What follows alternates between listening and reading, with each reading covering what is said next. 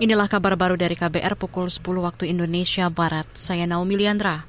Pemerintah dan DPR diminta serius menangani tragedi Trisakti 1998. Tragedi Trisakti merupakan salah satu dari 12 kasus pelanggaran hak asasi manusia atau pelanggaran HAM berat yang sudah diselidiki Komisi Nasional Hak Asasi Manusia dan berkasnya sudah diserahkan ke Kejaksaan Agung. Anggota Komisi Kejaksaan RI Batara Ibnu Reza mengatakan pemerintah tidak boleh membiarkan pelaku pelanggaran HAM lepas dari tanggung jawab. Meskipun saya menjadi komisioner, menjadi anggota komisi dari sebuah komisi lingkup negara, prinsip saya dan posisi saya tegas bahwa dalam kasus Trisakti, termasuk Semanggi 1, Semanggi 2 itu harus segera diselesaikan dengan cara yudisial.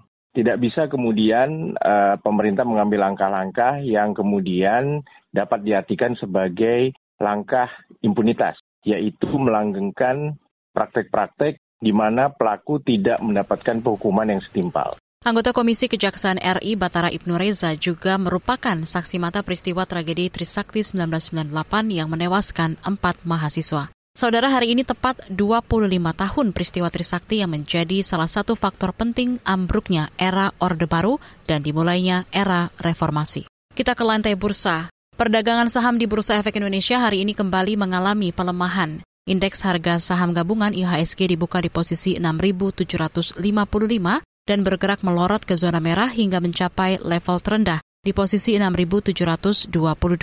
Dikutip data dari RTI Bisnis, lebih dari 190 saham melemah, 170-an saham menguat, dan 200-an saham stagnan. Sejumlah analis menyoroti rontoknya sejumlah saham berkapitalisasi pasar besar serta kekhawatiran investor terhadap potensi gagal bayar utang pemerintah Amerika Serikat. Sejumlah bursa saham utama Asia juga melemah, kecuali indeks Nikkei Jepang dan Hang Seng Indeks Hong Kong yang melemah. Pelemahan juga terjadi pada nilai tukar rupiah. Rupiah diperdagangkan di posisi 14.765 per 1 dolar Amerika Serikat atau melemah 0,29 persen. Dari Jawa Tengah, Kepolisian Kota Solo memastikan tetap mengusut kasus dugaan pelecehan seksual anak oleh instruktur bela diri taekwondo di Solo. Kapolresta Solo Iwan Saktiadi mengatakan ada tiga korban yang melaporkan kasus dugaan pelecehan seksual dan satu orang tersangka sudah ditangani Polresta Solo. Masih ada beberapa, kita menunggu petunjuk kan e, prosesnya jika memang itu kita limpahkan berkas-berkasnya, jika memang ada masih ada kekurangan, nanti apakah ada petunjuk lainnya P19 atau mungkin dinyatakan KP21 untuk dilanjutkan proses di persidangan.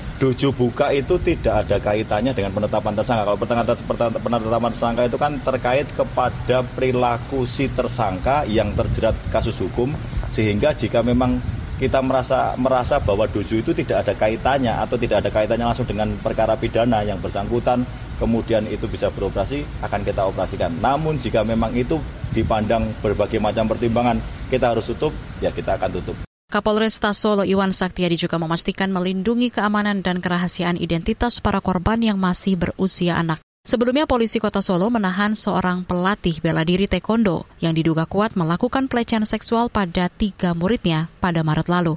Dalam aksinya tersangka menggunakan modus hadiah dan ikut kompetisi taekwondo bergengsi. Tersangka dijerat Undang-Undang Perlindungan Anak dan Undang-Undang Tindak Pidana Kekerasan Seksual. Saudara demikian kabar baru KBR, saya Naomi Liandra.